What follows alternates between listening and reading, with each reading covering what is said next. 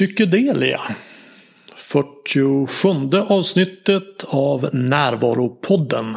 En samlande kraft mot tankarnas terrorism.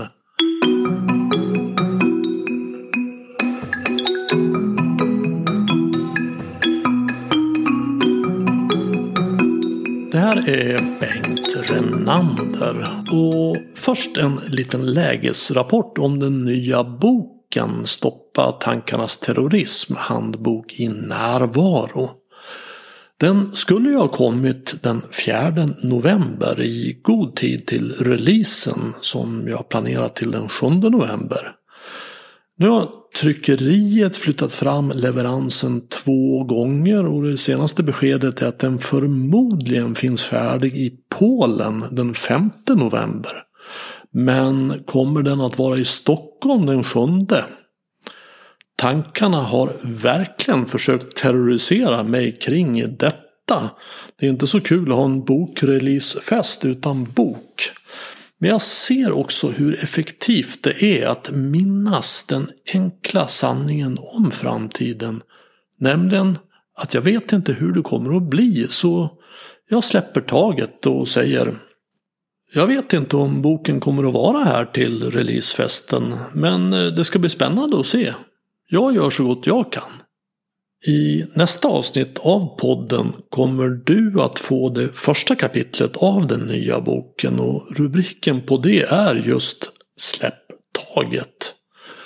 Vill du förbeställa boken så kan du göra det via min hemsida renander.nu och då får du den skickad till dig direkt när den kommer från tryckeriet. Och jag signerar gärna boken och anger det i beställningen i så fall. Min gäst idag är Johan Eriksson som är legitimerad psykolog och vice ordförande i Nätverket för psykedelisk vetenskap.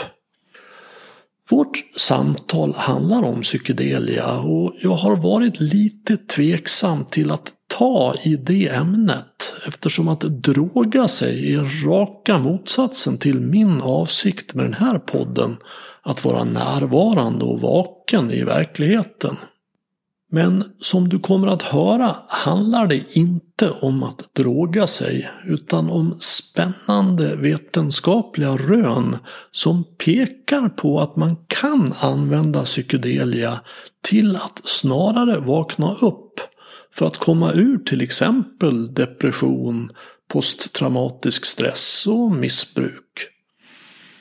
Jag och Johan pratar bland annat om vad psykedelia är och vad det kan ge för effekter. Om den forskning som bedrivs kring psykedelia. Om våra egna erfarenheter av psykedelia och om att kunna vara med det som är. Om hur flykten från problem skapar problem. Om att dansa med verkligheten där den för och jag följer om att ploga bort gamla invanda spår i hjärnan. Om hur en terapeutisk psykedelisk behandling kan gå till. Och om det kan finnas en substans som påskyndar ett andligt uppvaknande. Här är Johan Eriksson.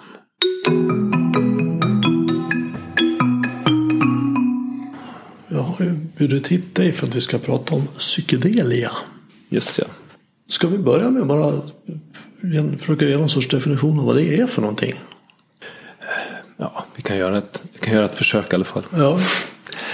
Eh, man, man pratar om psykedelia så pratar man om en typ av substanser som har en, eh, en väldigt särskild påverkan på eh, människor. Mm -hmm. eh, Och vad kan det vara för särskild påverkan? Den, det vanligaste sättet folk beskriver den på är att det är svårt att beskriva den. Mm.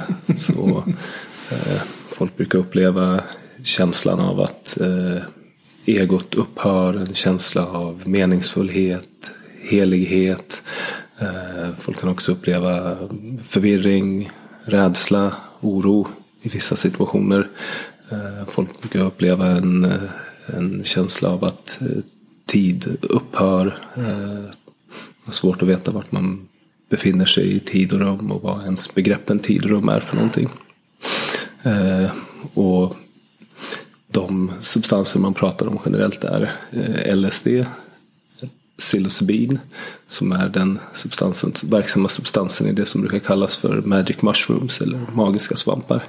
Eh, och en substans som heter DMT som är mest känt för att det är en komponent i den eh, ah, sydamerikanska brygden ayahuasca som många säkert känner till. Mm. Okej.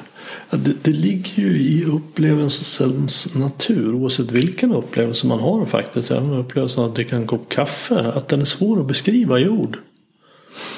Ja, och särskilt om man ska beskriva upplevelsen för en person som inte själv har haft den upplevelsen. Nej, för en person som aldrig har druckit kaffe. För att om jag kan säga att ja, du, gott med att dricka så god kopp kaffe. Och har man själv druckit en god kopp kaffe så vet man vad man pratar om. Men om man ska beskriva det i ord för de som inte har varit med om det så är det väldigt svårt. Och det ligger också i sakens natur. När vi pratar om psykedelia att det är väldigt svårt att beskriva upplevelsen. Ja. Mm. Eh, och det finns också den här den, eh, aspekten av att de här upplevelserna är, varierar väldigt mycket. Eh, är väldigt personliga eh, och påverkas eh, extremt mycket av eh, den omgivningen som man befinner sig i när man intar de här substanserna. Så det, man kan säga att det finns en större variation av upplevelser när man tar de här substanserna än när man dricker kaffe. Jag skulle våga påstå det. Sen finns det säkert kaffekonnässörer som har en enorm bredd i sina upplevelser av kaffe. Men generellt så, är, generellt så skulle jag säga att det, det är starkare och mer varierat bredare spann. Ja, och, och, du ingår i en grupp. Jag är vice ordförande i en ideell förening som heter Nätverket för psykedelisk vetenskap. Mm. Eh, så vi sysslar inte själva med forskning eh, utan det vi gör är att vi sprider information om den forskning som finns på de här substanserna. Eh, och vi bjuder hit föreläsare från runt om i världen som ja, oftast håller föreläsningar på Karolinska institutet. Eh, men även på andra ställen. Och vi har anordnat en större konferens eh, där närmare 400 personer dök upp. Eh, och forskare från hela världen var här i Stockholm i oktober. Så hur ser forskningsläget ut? Vad är det man forskar på? Den här, den här forskningen kan man säga, tog ju fart egentligen redan på 40 och 50-talet. På grund av att LSD upptäcktes av en slump av den schweiziska eh, läkemedelskemisten Albert Hoffman. Han var ute efter en medicin mot epilepsi om jag minns rätt. Ah, jag tror att det hade någonting med barnafödande. Att det var någonting som skulle vara eh, eh, dämpa blödningar eller kanske smärtlindring vid när man föder barn. Okay. Eh, Nå, jag, någon kanske behöver rätta, till, rätta mig på det men jag, mm. jag tror att det var det det handlade om. Ja. Men han stötte på någonting helt annat. Eh, provade den här substansen som han hade fått fram och fick en otroligt märklig upplevelse. Och det som hände var att eh, det första man tänkte var att ja, men det här är ju det här är ju schizofreni. Det här är någonting som kan framkalla en tillfällig psykos. Så det man gjorde var att man skickade ut den här substansen till psykiatriker runt om i världen och sa att här, här kan ni prova på hur det är att vara psykotisk. Och det kanske kan hjälpa er att, att behandla era patienter. Eh, folk började pröva det här och sen började man se att man fick väldigt olika upplevelser. Vissa fick obehagliga upplevelser, andra fick mer behagliga. Eh, och så småningom började man se att om man gav den här substansen i en trygg och säker miljö eh, så kunde det ha eh, positiva effekter på patienter. Så att det inte bara att man psykiatrikerna tog det själva utan man kunde ge det till patienter. Eh, och då börjar man att titta på framförallt på depression men även för missbruk. Okej, okay, så det skickades ut för att man ska kunna få prova hur det känns att ha en psykos. Men det visade sig att det hade positiva effekter. Var det depression och... Precis. Ja. Och då började man göra ja, forskning. Och den här substansen var ju inte det var inte narkotikaklassat och det var ju ingenting olagligt med den här substansen på den tiden. Eh, sen började det här sprida sig mer och mer eh, ut till allmänheten. Eh, och det blev framförallt inom eh, hippierörelsen och antikrigsrörelsen i, i USA på 60-talet. Så var det här någonting som började uppmärksammas som ett problem. Att folk tog den här extremt starka substansen på ett vårdslöst sätt. Eh, det som också hände runt den tiden var att man började ställa högre krav på forskning eh, beträffande eh, etik men också beträffande metodologi. Att man skulle ha blindade studier, att man måste ge ett, ett placebo till ena gruppen, en, en aktiv substans till den andra och personen ska inte veta vad de har fått. Och det var väldigt svårt på LSD för ofta är det väldigt tydligt att man har fått den substansen. Så en massa samlade faktorer gjorde att eh, dels att LSD eh, och andra psykedeliska substanser blev eh, olagliga. Eh, och sen började forskningen trappas ner. Man får ju fortfarande forska på så kallade droger eller illegala substanser. Men även där börjar man eh, eh, trappa ner på det på grund av de metodologiska svårigheterna. Och sen så börjar det också på grund av en ganska massiv eh, propagandamaskin i media. Eh, där man måla, utmålade LSD som någonting absolut livsfarligt. Gjorde att det blev ja, ett stort stigma kring de som forskade på LSD. Så vid 70-talets intåg så fanns det i princip ingen forskning kvar. Och sen så har det varit helt dött i princip hela 70, 80 och på 90-talet så började det hända små, små saker. Eh, och sen början på 2000-talet så kan vi se att återkomsten av forskning på psykedelia började ske på allvar. Mm. För psykedelia är, då, det är ju klassat som narkotika men det är ju då en väldigt speciell grupp av narkotika kan man säga. Det är ju inte opiater. Och vad är, det som, vad är det som gör psykedelia speciellt? Vad är det som skiljer det från andra former av narkotika? Mm. Ja, det, jag tänker narkotika är ju eh, det finns ju en rad olika substanser som påverkar oss på olika sätt. Eh, eh, så ja, det är en svår fråga, man skulle kunna säga en rad olika saker. Eh, en gemensam nämnare för, för psykedelia är att de binder till en specifik receptor. Eh, en serotoninreceptor som verkar vara eh, helt avgörande för den psykedeliska upplevelsen en annan aspekt att det finns eh, i princip ingen beroendepotential. Eh, så till exempel om man, om man ger psykedeliskt preparat till ett djur i en bur eh, så kommer det ta det en gång och sen kommer den inte vilja ta den där substansen igen. Eh, om man då jämför med ifall att man ger eh, en opiat eller en amfetamin eller kokain, sådana substanser, så blir råttan väldigt sugen på att eh, göra om det här. Mm. Det påverkar synapsbassängen i hjärnan på ett lite annat sätt. Precis. Ja. Vi ska väl också nämna tycker jag att under slutet av 50-talet och 60-talet så användes det också som någon form av andlig drog. Alltså väldigt många spirituella sökare använde eh, psykedelia för, för att ja, få en djupare förståelse av sin andlighet. Det gjordes en, eh, en central studie 1962 eh, som brukar kallas för The Good Friday Experiment. Där eh, eh några forskare från Harvard gav eh, psykedelia till några teologistuderande på långfredagen eh, under en, en mässa. Eh, och sen mätte man för att se hur pass eh, stark spirituell upplevelse som de eh, fick av det här. Och de här eh, studerande fick enormt starka upplevelser och påverkades otroligt mycket av det här. Eh, när man har intervjuat dem och gjort uppföljning 25 år senare så beskriver många av de här personerna som deltag, deltog i det här, den här upplevelsen eh, som en av de, eller den absolut mest eh, signifikanta spirituella upplevelsen de hade varit med om. Mm. mm. Ja, jag vet, Ramdas hette ju en där och han, han använde LSD i mängder. Mm. Timothy Leary var ju en annan. Tune in, turn on, drop out. Handlar väl om LSD om jag yeah.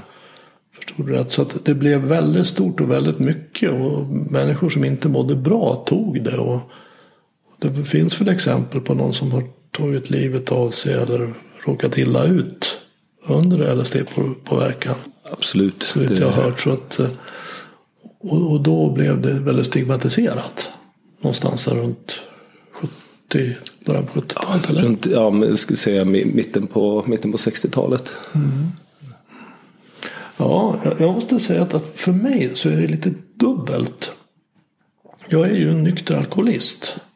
Och eh, jag vill verkligen leva mitt liv helt utan droger. Och för mig så är då närvaro ett sätt att hålla sig drogfri. Att vara vaken i verkligheten på riktigt. Så att eh, jag vill noggrant understryka för min del och jag tror inte jag är ute helt och cyklar om jag gör det även för din del. Att, att vi rekommenderar inte att ta droger som ett sätt att leva på. Det är inte det det här handlar om. Nej. Eh, jag tänker det beror på. Kolla ner på den här koppen kaffe här. Ja. Det är, en, det är också en drog. Generellt så tänker jag att det finns substanser som är olagliga. Och det behöver man ta i beaktande. Mm. Eh, och man behöver se till den forskning som finns. Eh, för, att, eh, för att närma sig eh, kraftfulla substanser. Mm.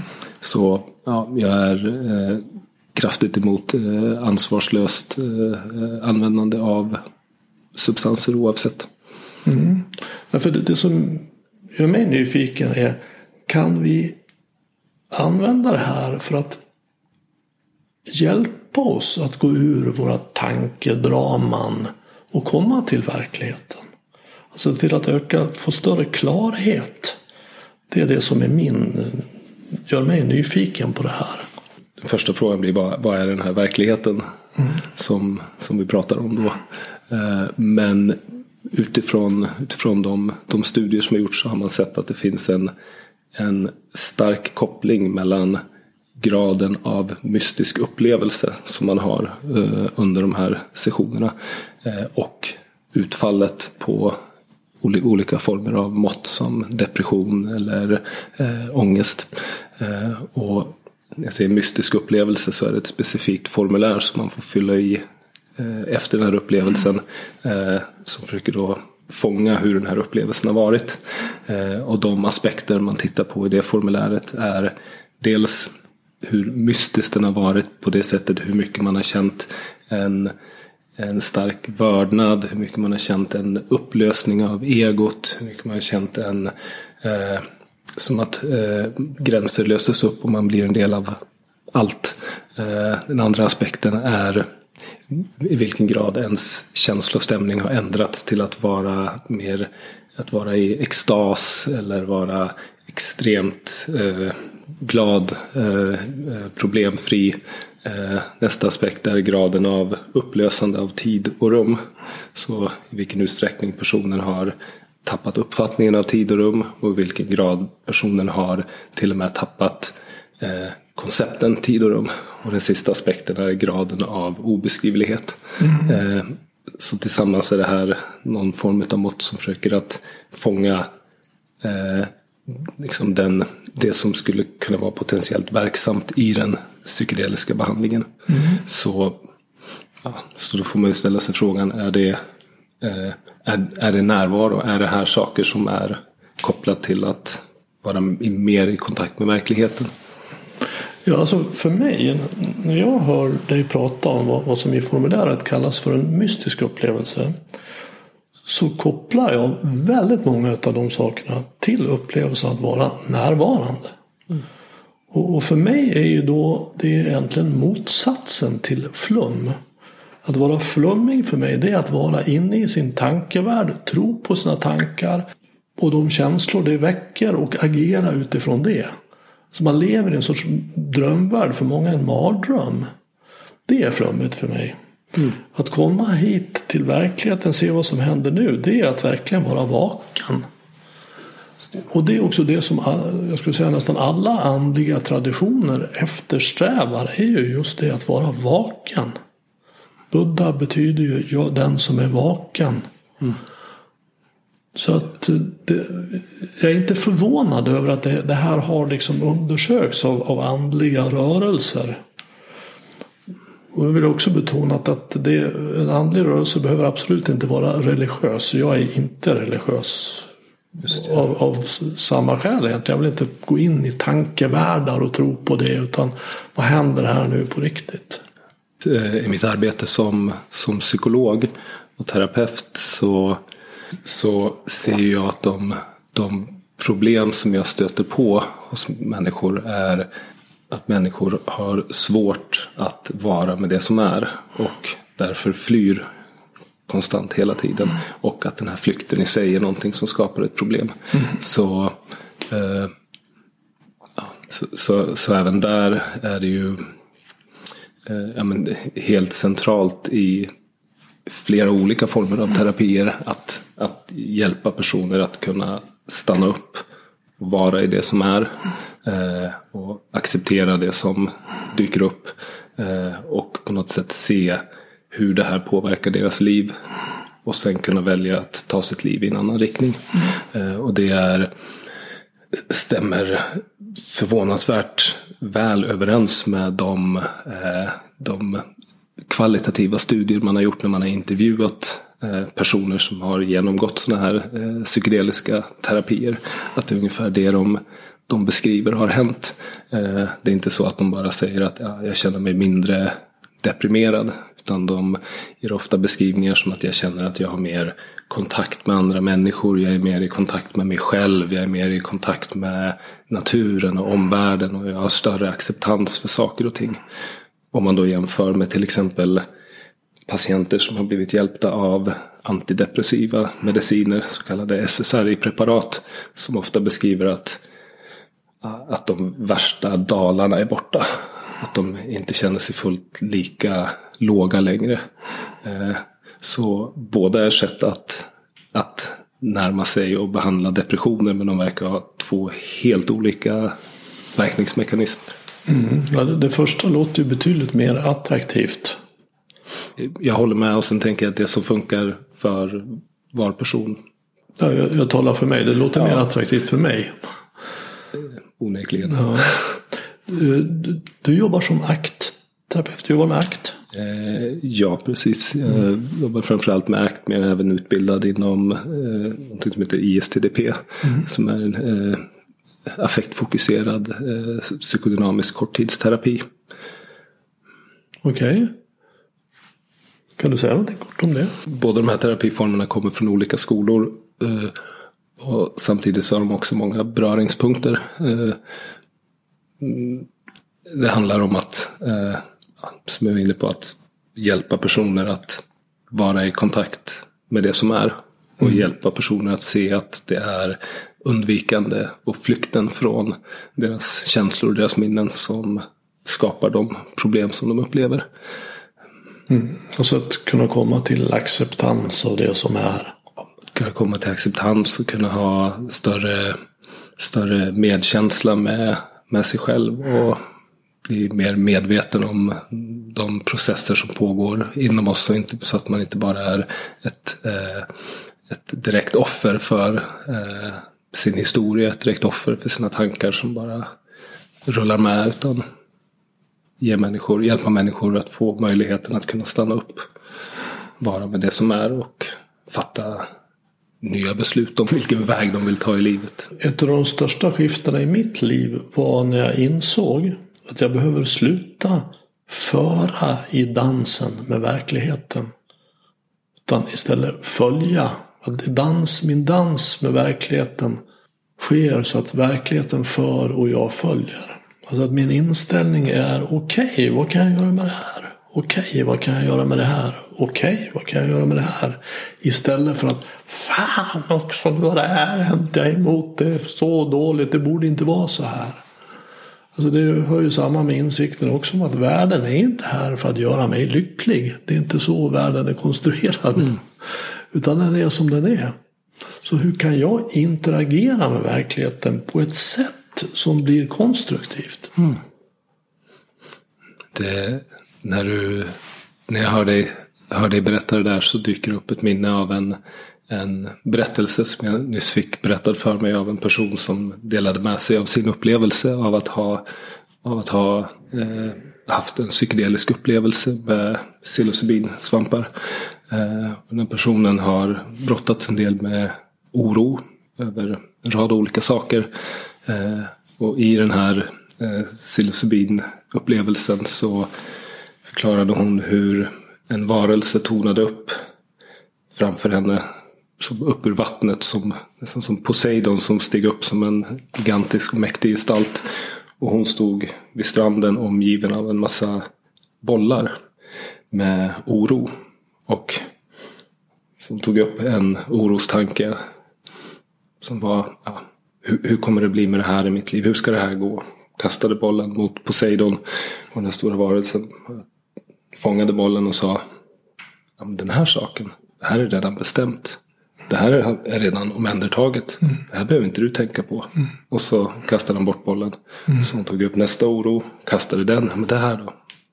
Poseidon fångade bollen. och Nej, men det, här, det här är redan bestämt. Det här, det här ska inte du behöva tänka på. Mm. Och oro efter oro blev bemött på det sättet. Mm.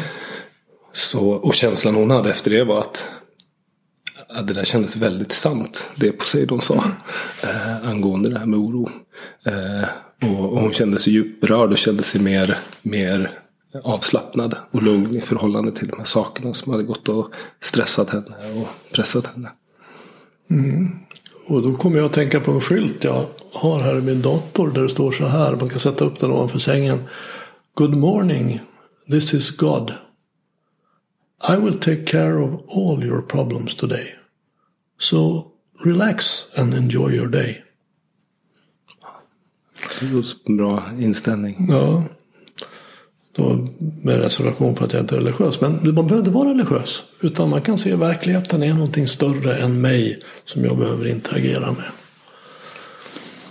Och, och, det, verkar vara, det, här, det verkar vara en central punkt i välmåendet. Att hur kan jag interagera med någonting här som är större än mig?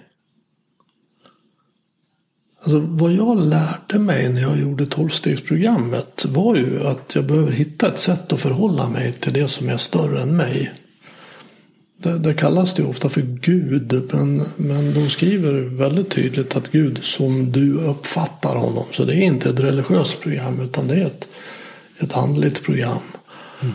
Och att, att förhålla mig till detta större och där jag behöver se hur kan jag anpassa mig? Hur kan jag agera på ett skickligt sätt? I förhållande till det här större. Och i tolvstegsprogrammet, alltså i det tolfte steget så står det ju så här. När, när du till följd av detta program fått ett andligt uppvaknande. Okej, okay, om det är lösningen så säger Ja, först kan man ju undra vad innebär det då, att vara andligt vaken? Ja, enligt min förståelse, det är ju det jag kan prata om, så är det att vara närvarande. Att kunna vara med det som är. För kan jag vara med det som är så finns det ingen anledning att fly ifrån mina känslor eller från det jag, har i mig med hjälp av olika substanser. Så det, det låter ju naturligt. Så att om ett andligt uppvaknande är lösningen, vad är då problemet? Ja, det är ju då att jag är andligt insomnad. Och vad innebär det? Jo, jag är i min tankevärld. Tror på mina tankar och de känslor som de tankarna väcker och det blir en, jag hamnar i en mardröm. Trots att jag kan kanske ha det väldigt bra i verkligheten. Alltså jag tycker det trixiga med psykedelia är att för de, det är lätt hänt att om man, inte, om man slutar med alkohol utan att få ett andligt uppvaknande så hittar man något annat istället som hjälper en att fly ifrån sina känslor. Socker eller mat eller dating. Eller på. Och så slutar man med det. Så, så hittar man ytterligare något annat. Jag brukar tänka på de här missbruken som ett missbrukarträd med många grenar. sågar man av en så, så växer väldigt lätt ut en ny. Mm. Och att inte då psykedelia blir en ny gren. Alltså att man slutar med alkohol och sen så börjar man med någon psykedelisk drog istället. För då har vi inte vunnit någonting. Utan för att åtgärda problemet så behöver vi gå till roten. Och vad är det? Jo, att jag inte förmår känna det, det jag känner. Att jag inte kan vara vaken i verkligheten. Och kan den psykedeliska drogen hjälpa mig till det så behöver jag ju inte den heller längre. Och, och det är därför jag tycker det här är så intressant. Att kan den hjälpa mig att vakna? Inte att somna in eller att fly. Utan att komma till verkligheten. Det är någonting som görs eh, i samband med psykoterapi. Så att man träffar en eller två psykologer och har en förberedande session. Och man pratar om vad det är som kan komma att ske under den här upplevelsen. Sen kommer man tillbaks. Och sen har man då eh, en upplevelse tillsammans med de här eh, psykologerna eller psykoterapeuterna som sitter med en. Eh, och ja, beroende på substansen så ja, kan en sån där session vara mellan 4-5 timmar upp till 12 timmar. Eh, och sen efteråt så pratar man, kommer man tillbaka och har en terapisession igen och pratar om vad man har varit med om. Eh, och sen så händer det här vid kanske en, två eller i vissa fall tre tillfällen. Eh, så det är inte en medicin som man tar kontinuerligt. Mm. Som man människor i regel tänker om speciellt psykiatriska mediciner. Utan det är mer som penicillin eller någonting som man tar som en punktinsats. Och sen tanken att det här sitter i, i hela livet i bästa fall. Mm. Finns det några länder där man ger sådana behandlingar? Just nu så ligger de här eh, ligger framförallt på, på eh, forskningsstadiet. Men eh, så i, i läkemedelsprövningar så, så testar man eh, nya läkemedel i tre olika faser. Där den första fasen innebär att man måste testa det här på djur och testa så att det här inte är någonting farligt. Eh, och, och sen testa det på, på, människor också och se att de kan, kan, att det här inte bara om det är bra utan så att det inte är direkt skadligt. Mm. När man har clearat det så testar man det på i små studier på specifika kliniska populationer för att se går det ens att göra, genomföra de här studierna. Eh, och när man har genomfört det och det har visat att det har gått bra och det visar att det fortfarande verkar kunna ge resultat så går man in i fas 3. Och i fas 3 då gör man större studier. Så man har tillräckligt stora sample så att man kan säga att om resultaten håller för hela den här stora gruppen så är det tillräckligt sannolikt att det här är någonting som vi kan också ge till den stora allmänheten utanför forskning. Och då blir det som en registrerad medicin. Så det som pågår just nu är att fas 1 och fas 2 är avklarat. Och just nu pågår det eh, en rad fas 3-studier runt om i världen. Framförallt i Europa och i eh, Nordamerika. Och det man kollar på där är, eh, där man har kommit längst, ska jag säga, är en substans som heter MDMA som inte är en klassisk psykedelisk substans. Men den brukar ändå hamna i det facket. Och där ger man MDMA i kombination med psykoterapi för personer med PTSD. Och man har visat på fantastiska resultat för det. Och den andra där man har kommit nästan lika långt är psilocybin för eh, behandlingsresistent depression eller för svåra depressioner. Personer mm. som har provat antidepressiv medicin, provat psykoterapi och det har inte hjälpt. Som får då en möjlighet att prova de här substanserna. Och även där har det visat på väldigt fina resultat. Men vi behöver vänta in resultaten från de här större studierna som pågår just nu för tillfället. Mm. När beräknas de bli klara? Inom två, tre år så hoppas jag att vi kan se eh, ja, vad de här större studierna visar för mm. någonting. Men de preliminära resultaten ger väldigt gott hopp om jag förstått saken rätt. Ja, så just för de två som jag nämnde. Eh, MDMA för PTSD och psilocybin för depression. Eh, har amerikanska FDA, så Food and Drug Administration, har gett dem en särskild klassificering som en möjlig, eh, möjlig breakthrough treatment. Vilket betyder att eh, Eh, själva FDA hjälper till med en massa administration för att underlätta för de här substanserna just för att de har visat så lovande resultat mm. eh, och i fas 2-studier. Mm. Så vissa säger att, att redan vid 2022 skulle det kunna vara så att MDMA finns som en, eh, en behandling för PTSD i USA i alla fall. Sen mm. får vi se vad som händer i Europa och vad som händer i Sverige. Vi i Sverige har ju en tradition av att vara eh, minst sagt eh, skeptiska mot eh, substanser.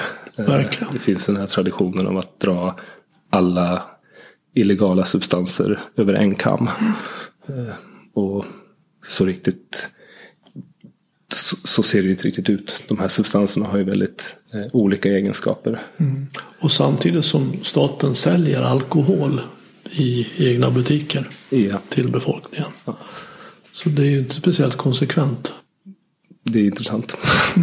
Mm. Om man kollar på eh, skadeverkningar. Om man kollar på, på studier där man klassar skadeverkningarna av olika droger. Skadeverkningarna för individen och skadeverkningarna på samhället. Så är det alkohol som smäller högst. Mm. Eh, men jag vet inte. Det, folk vill inte riktigt kännas vid det. Utan det är väl någon sån projektion att man vill titta på andra substanser och demonisera dem för att försvara den här kärleken för alkohol. Ja, det är också väldigt mycket en kulturell fråga. Alltså, vi har haft alkohol i många, många hundra år. Så vi är så vana vid det. Det är så djupt rotat i vår kultur. Och, och kollar man på eh, kollar man på de psykedeliska substanserna så jag nämnde här att det var, det var först på slutet av 40-talet, 50-talet som, som psykedelia på allvar gjorde ett intåg i väst. Men kollar vi på i andra delar av världen så är det här substanser som har funnits med i tusentals år. Det finns vissa som pratar om att det är från att man kan hitta rester från 10 000 år tillbaka. Eh, att människor har använt de här substanserna i eh, olika rituella syften. Så, så, så de här substanserna är, är inga nya substanser utan det är sånt som har funnits med länge. Och nu är det svårt att veta men utifrån vad antropologer säger så verkar det inte finnas några tecken på att de här substanserna ska ha missbrukats i några av de kulturerna. Utan det här är substanser som ofta har eh, som verkar ha att man har närmat sig dem med väldigt stor vördnad. Det är ofta en shaman eller de eh, the elders eller så som, som har hand om de här substanserna och de används i medicinskt och rituellt och spirituellt syfte eller som en initieringsrit in i vuxenlivet. När vi pratar om att inte de missbrukas inne så menar vi att det inte ger några negativa konsekvenser fysiskt, psykiskt, socialt, ekonomiskt. Jag tänker mer missbrukas på det sättet att det, att det är någonting som används utanför ramen för vad det är tänkt att användas som. Till exempel tänker, ja men alkohol är en typisk sån substans som i våran kultur. Det, det går att det går att uh, använda det. Det går att bruka det. Går att bruka det. Mm. Men det finns stor missbrukspotential. Mm. Men jag skulle säga att skadeverkningarna är där. Uh, även om man brukar det. Det är fortfarande inte särskilt hälsosamt att dricka Nej. alkohol. Nej, verkligen inte. Ja, och, och, och, har du själv provat? Alkohol? Nej, nej. Det, det, utan um, om du själv har provat några av de här substanserna? Eh, ja, jag har, eh, jag har provat eh, framförallt eh, ayahuasca. Den, eh, och det har, jag, det har jag gjort i Holland. Mm. Eh, I Holland har jag gjort det för att där är det eh, även om substansen i sig är narkotikaklassad så har de ett godkännande för att använda det i religiöst syfte. Eh, för att i Brasilien så finns det tre stycken eh, religioner som är godkända statsreligioner som har eh, ayahuasca som eh, ett sakrament. Eh, och en person tog det här, eh, den här, en av de religionerna som heter Santo Daime tog det till Nederländerna i slutet på 90-talet. Och det här kom upp i en domstol 2001. Och domstolen dömde att de har tillåtelse att använda det här i religiösa syften. Mm. Så ja. religionsfriheten går före där. Precis. Ja, så, så du tog det i Holland? Ja. ja och vad, hur var det? Uh, ja, det var en, det var en, eh, en livsomvälvande upplevelse.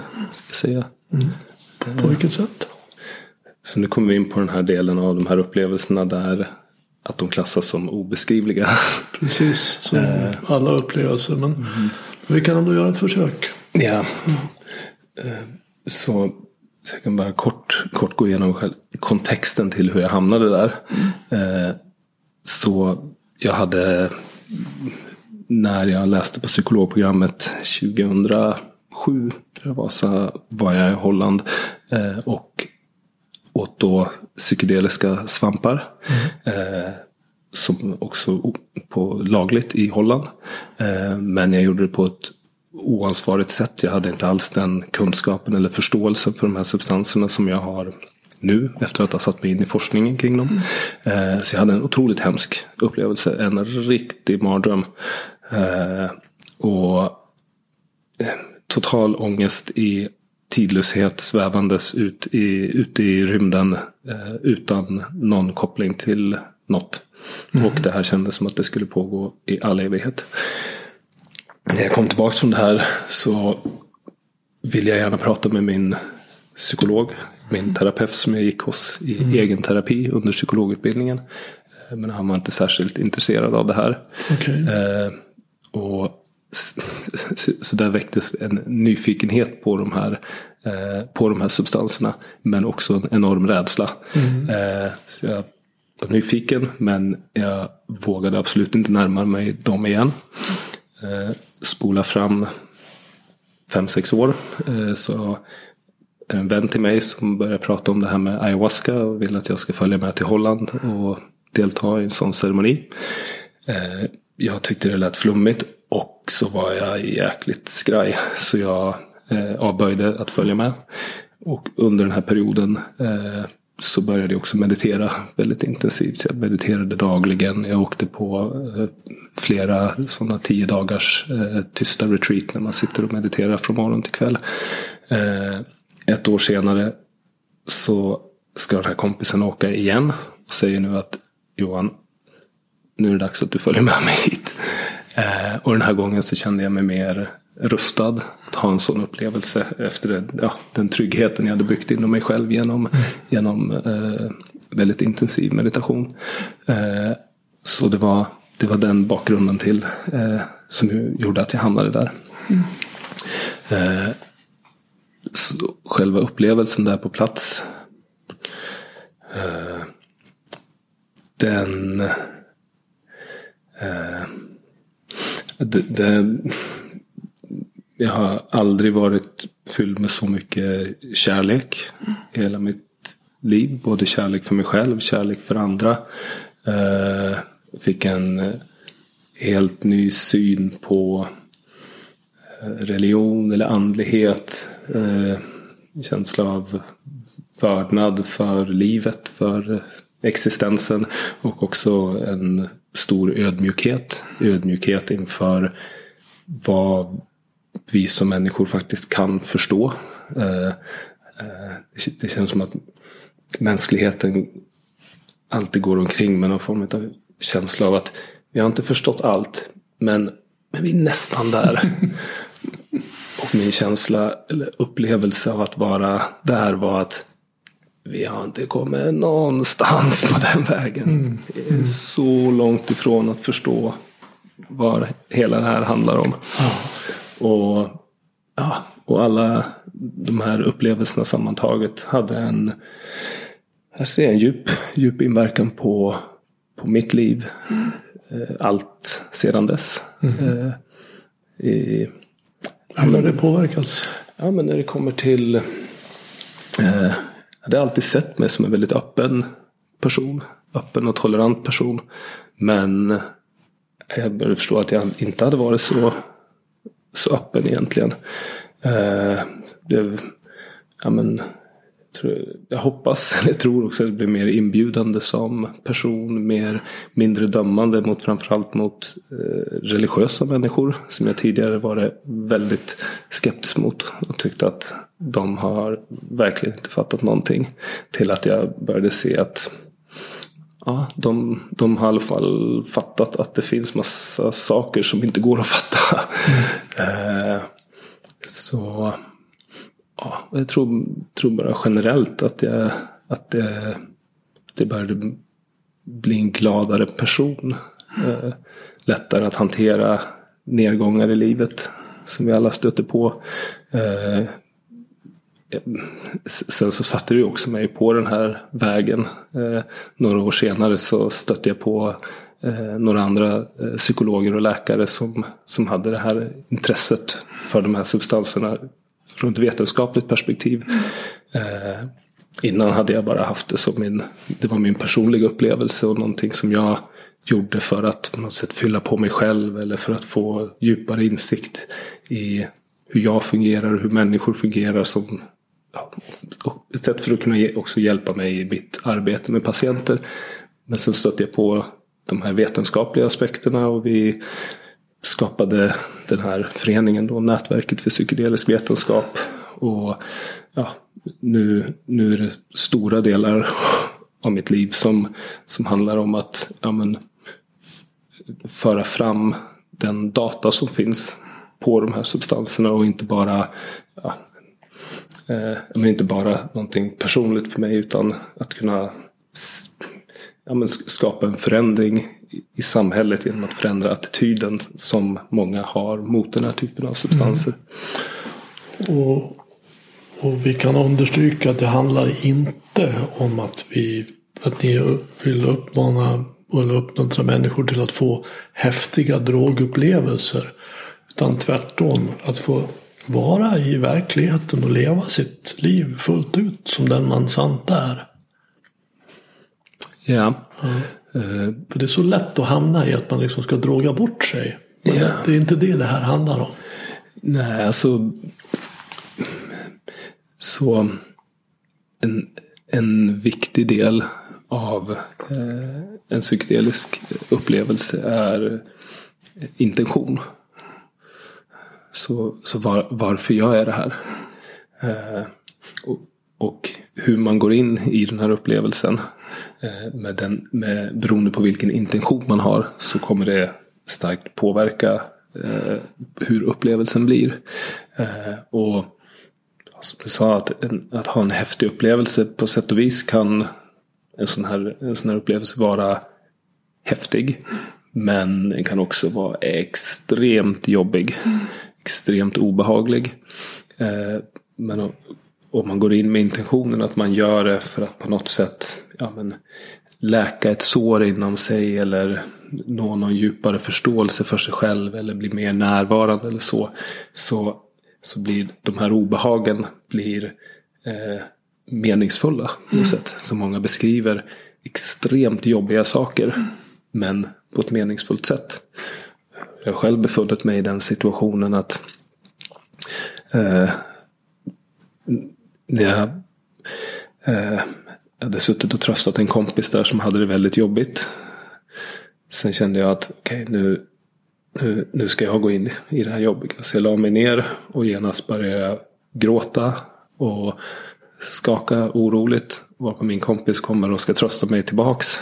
Så sätter jag mig upp och säger Nej, det är okej. Okay. Jag, vill, jag vill vara lite ledsen. Jag vill må lite dåligt nu. Så att en, medveten, en medvetenhet kring att gå in och utforska de här, de här sidorna som vi försöker att gömma oss från och som vi försöker att stöta bort och undvika. Den enda erfarenhet jag har av de här psykedeliska preparaten är ayahuasca också. Mm. Och, och, det har jag tagit två gånger. Jag ska dela hur det var. Snälla. Första gången så var vi ute på ett väldigt vackert uh, landställe. Satt runt en brasa. Vi vattnet. Och så tog vi det här. Det är ju en jädra äcklig svart smörja man dricker. Smakar ju pyton. Många kräks ju som kräks upp det där igen. Men får i sig igen. Så det, det, är inte, det är inte någon god liten drink. Det kan man ju säga. Men sen så tar det en stund innan det verkar. Jag satt och undrade, det, här, det, här, det här känns ju ingenting. Men sen, sen började jag märka att, att jag tittade runt på benen och armarna på de som satt runt mig. Och jag, alltså, vem ser de här benen och armarna? Alltså min upplevelse att vara en separat individ. Och att vi alla var separata individer. Den, den försvann lite grann. Det finns det blev en sorts gemenskap där. Då, då, då, var det ganska starka upplevelser. Men de var fascinerande. Jag, var, jag var väldigt... Eh, jag var på en bra plats. Sen gick jag ifrån, gick jag en tio meter ner och la mig i, i blåbärsriset där och tittade ut över vattnet och ut över den här sjön. Och såg träden som vajade på andra sidan. Och jag såg hur otroligt vackert det här var. Det, var, och nu, det här var inte alls en drogupplevelse utan för mig var det här en upplevelse att vara helt och hållet närvarande.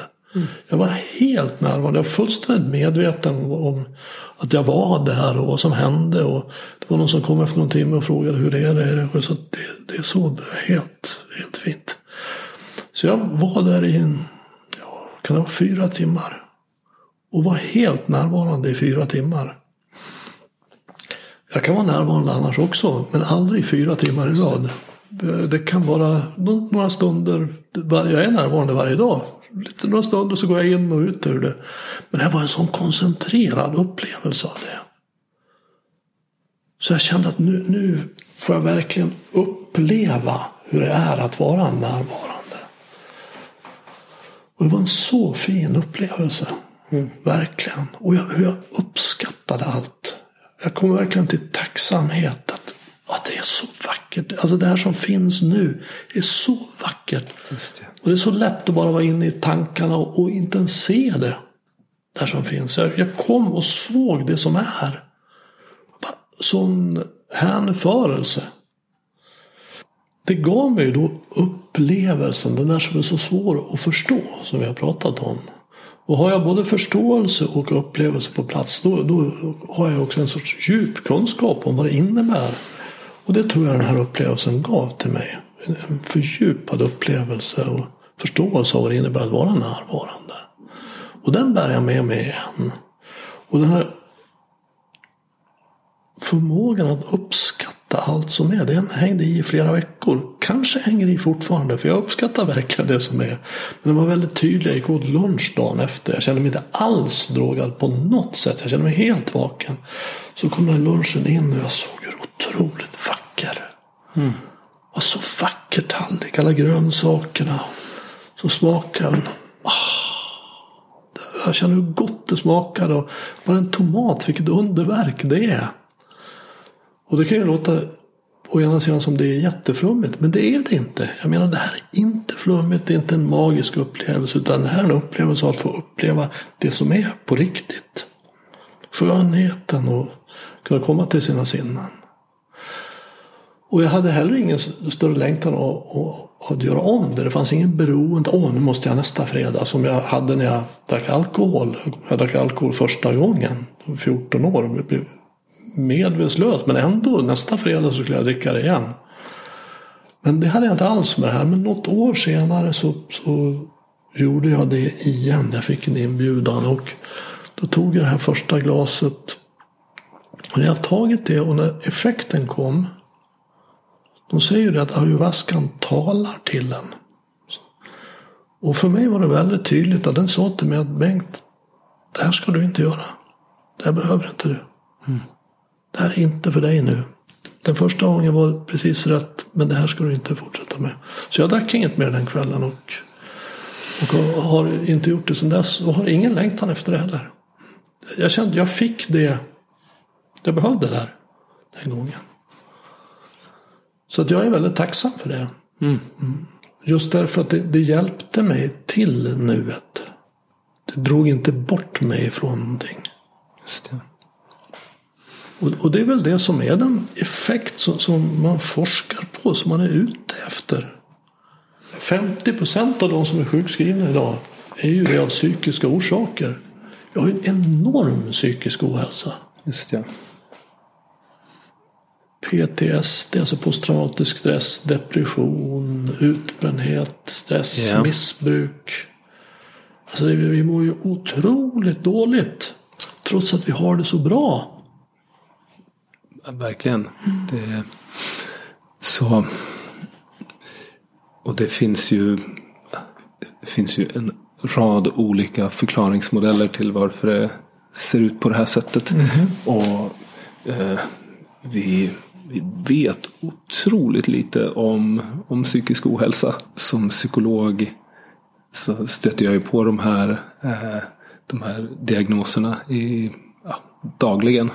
Och jag, jag vet inte, de här diagnoserna som du pratar om, det är, det, det är beskrivningar, det är sammanfattningar. Eh, men vad det egentligen är, det är inte, det är inte orsaker. Utan det är beskrivningar och problem. Så det säger egentligen inte någonting om, om varför människor mår på det här sättet. Det är mer symptom. Precis, det är beskrivningar av, av symptom.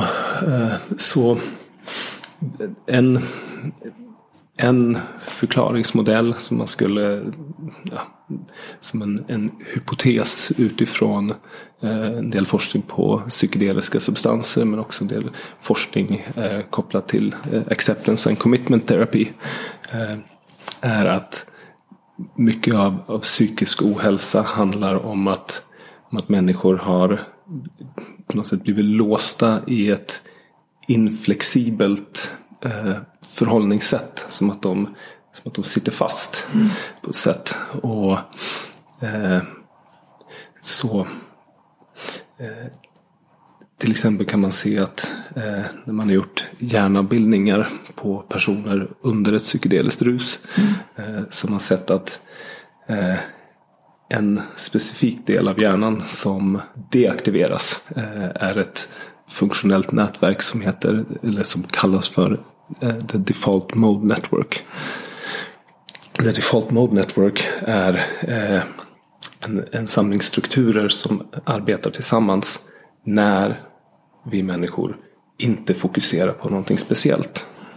Så man upptäckte det här nätverket av en slump. Eh, när man har gjort fMRI-undersökningar eh, på personer som har gjort, eh, säg, rita en bild eller gör den här saken. Och så har man kollat vad som händer i hjärnan när den här personen gör den här specifika saken. Sen märkte man att kameran fortsatte registrera mellan de olika, sak- eh, de olika specifika tasks som personen skulle göra. Och då märkte man att, som att hjärnan gick in i ett defaultläge när man inte gör någonting. Så då börjar man undersöka den här strukturen och man börjar se att just den här strukturen eh, är den som blir aktiv när människor inte gör någonting men också när människor får en fråga som gäller personliga minnen. Eh, eh, också, eh, det blir också aktivt när man ber människor att eh, sätta sig in i en annan persons perspektiv. Eh, är också aktiv när man ska resonera kring moraliska dilemman. Så det här verkar vara en, en, en, ett system i hjärnan som verkar vara väldigt kopplat till saker som relaterar till det vi pratar om när vi pratar om oss själva. Eh, Det här är också ett system som är kopplat till så mentala tidsresor. Att röra sig, eh, sia framåt i tiden och röra sig bakåt i tiden. Eh, Ytterligare en funktion som det här systemet har, en liten övergripande roll i hjärnan där den dirigerar andra signaler. och så hur andra delar av hjärnan samarbetar med varandra i en psykedelisk upplevelse. Så eh, kan, kan vi se att plötsligt så, så har vi inte den här, eh, den här eh, övergripande delen som dirigerar vart, eh, vart vilka delar som ska kommunicera med vilka. Utan alla delar börjar kommunicera hejvilt. Och vi har inte heller kvar den här delen som eh, relaterar allting till begreppet själv. Eh, och så här kan eh, dels beskriva varför det blir på det sättet att människor i ett psykedeliskt rus kan uppleva att de ser musik, att de hör känslor. Det blir som det här eh, att, att kopplingarna suddas ut mellan de här eh, olika sinnesintrycken. Och man har även sett att graden av nedaktivering av det här default mode network eh, korrelerar med den upplevelsen av egoupplösning som folk rapporterar. Mm.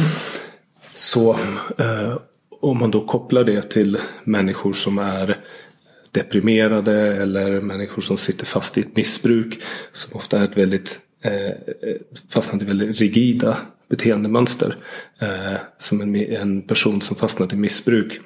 När den upplever någonting jobbigt så finns det bara en lösning. Och det är att berusa sig. När någonting dyker upp så ska man direkt fly. Och det är samma repetitiva beteende som sker om och om igen. Eh, oavsett vilka ja, negativa lång, eh, långsiktiga konsekvenser du får. Liknande med, med depressiva personer. De sitter väldigt fast. Eh, ofta är eh, tankegångarna, folk beskriver det som att de har skygglappar på sig. De tänker väldigt negativa, ruminerande tankar om sig själva, om omvärlden och om framtiden. Eh, man ser i ett psykedeliskt tillstånd att när den här eh, dirigenten eh, stoppas så är det som att systemet öppnas upp och det blir mer flexibilitet. Och de olika systemen jobbar ihop på ett annat sätt. Eh, en liknelse som används ibland är att om man tänker sig att tankegångar åker som en, eh, som en, en pulka i en pulkabacke. Om man åker där om och om igen så blir det som spår. Och till slut så kommer pulkan bara kunna åka i samma spår om och om igen det som händer i en psykedelisk eh, upplevelse är att det är som att det kommer en plogbil och bara planar ut hela ytan. Och plötsligt finns det möjlighet för den här pulkan att åka ja, i princip vart som helst. Och när man sen kommer ut ur tillståndet så fungerar ju hjärnan på det sättet att de här nya spåren är, är eh, eh skapade. Så att personen kan ha kvar en del av flexibiliteten som uppstått i det psykedeliska tillståndet. Fast man är nu tillbaks bort från eh, ja, hallucinationerna och de andra mer extrema upplevelserna. Men den här eh, utplanade spelytan verkar finnas kvar och verkar kunna göra att människor har en större möjlighet att fatta beslut i sitt liv och inte behöver vara fast i rigida beteendemönster, destruktiva beteendemönster. Mm, mycket intressant. Så det som händer i mig när jag lyssnar på det är ju att, att det låter som att den här default network är en sorts fysisk, den fysiska motsvarigheten till egot. Ja, det är en, ett sätt man skulle kunna se på det. Ja, men det, det, är det som det är mitt ja. utifrån den karta som jag arbetar med. Så är, låter det väldigt alltså rädslor, begär, framtid, förflutet. Det handlar om vem är jag, vad borde jag vara, är jag älskbar? Alltså den typen av tankar identifikation med egot. Alltså allting som kommer efter jag är är ju egot. Jag är bra, jag är dålig, jag är ful. Eller allt jag tänker om mig själv. Låter det som det finns i det här default network. Och, och, och, det kommer jag då i kontakt med när jag inte gör saker. För när jag gör saker så, så kan man ju vara i ett tillstånd av flow. Alltså att jag är ett med det jag gör. Och det är ett väldigt behagligt tillstånd. Och sen så kommer jag ur det och då blir jag medveten om mig själv igen och då går det här default network igång. Egot och det kan vara väldigt smärtsamt. Och egot har upptrampade spår. Jag tycker det var en fin bild där med den här kälkbacken. Det finns vissa spår som det här egot åker vanemässigt. Och den psykedeliska drogen plogar bort det här. Så att jag är mer fri igen. Mm. Det är väl kanske risken att man åker upp nya spår då. Men då Absolut. Och en viktig led i hur forskningen tas vidare nu.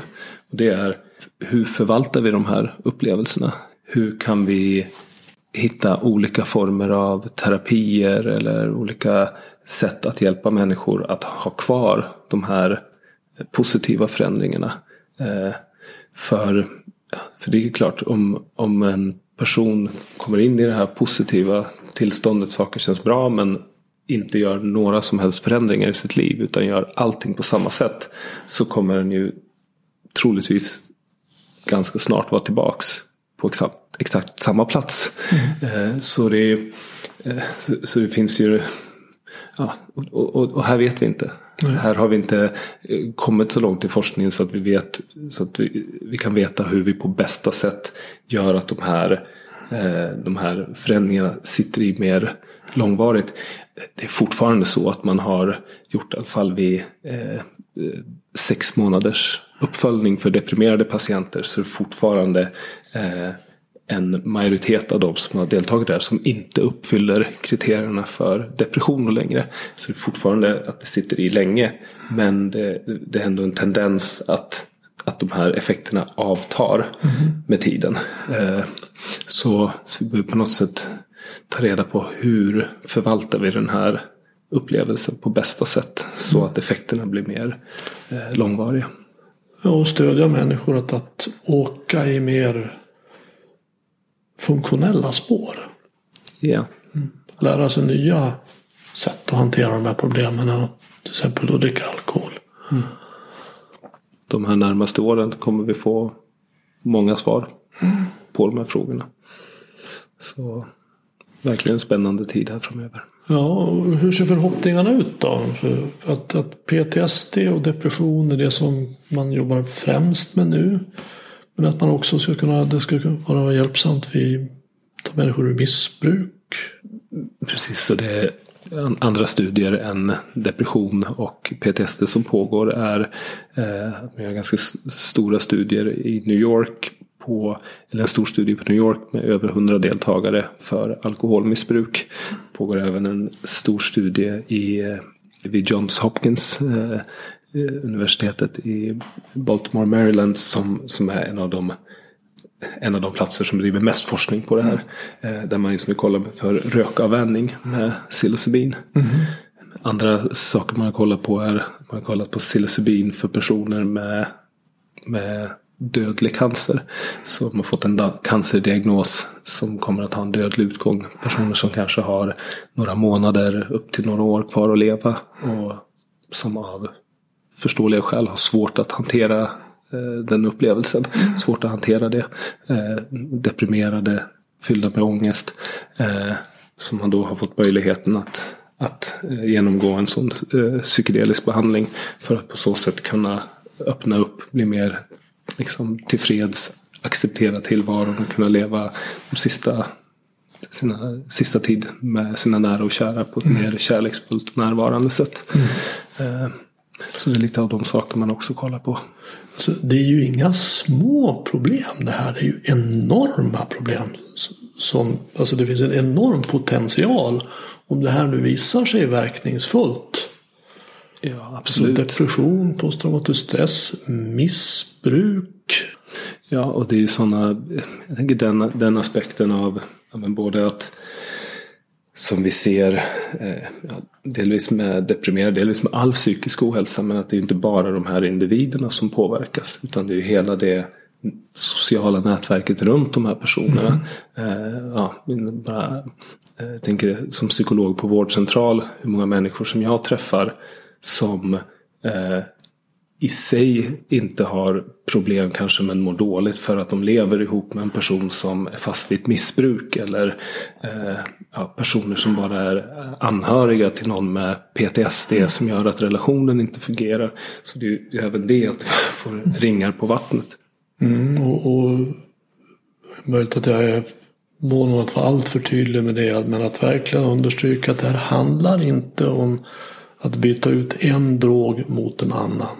Utan det handlar om att använda de psykedeliska substanserna för att komma ur missbruk. Ja, Inte att man ska bli beroende av att behöva ta det här då i resten av sitt liv. Ja, så det ja, jag tror det är bra, bra att tänka kring de här behandlingarna som substansassisterade psykoterapier. Så det är, inte, det är inte så att de här substanserna i sig löser någonting. Eh, utan det är att de här substanserna kan försätta personer i ett tillstånd där de med rätt guidning och rätt support utifrån eh, kan ja, nå eh, läkning eller helande eller få de här, ja, komma vidare i livet. Mm. Så det är alltid i kontexten av att man gör förberedelser med terapeuter. Eh, man har terapeuter med när man tar de här substanserna och man har eh, långa, när det gäller just MDMA så har man 16 sessioner psykoterapi. Tre av de här sessionerna tar man MDMA. Mm. Så merparten av arbetet är ju mer traditionell psykoterapi. Det är bara att de här substanserna kan liksom ge lite extra boost åt de psykoterapeutiska mm. interventionerna. Och, och det de verkar göra, de verkar underlätta för är ju att få ett vad jag kallar då andligt uppvaknande. Så att det finns en substans som kan påskynda den processen högst väsentligt. Det är ju fascinerande. Verkligen. Det lyfter fram den frågan på agendan mer generellt. Vad det är för någonting. Mm. Vad andlighet är. Och det, det är en svår nöt för vetenskapen att knäcka. Det är kanske bra att eh, man tvingas att ställa sig sådana frågor. Ja. Inte minst idag om vi kollar hur världen ser ut. All teknologi och all kunskap vi har om alla möjliga olika områden. Och samtidigt så verkar vi bara liksom som människor ha svårt att, att hantera varandra. svårt att hantera oss eh, själva. Svårt att hantera oss själva, svårt att hantera vår planet. Och mm. Så kanske ett bra läge att stanna upp och fråga oss vem, vad, vad är det här? Vem är jag? Eh, vad handlar det här om egentligen? Mm. Och det är ju mer existentiella frågor. Absolut. Som är väldigt viktiga. För att leva ett meningsfullt liv. Det verkar så. Mm. Okej. Okay. Tack för att du kom hit. Tack för att jag fick komma hit.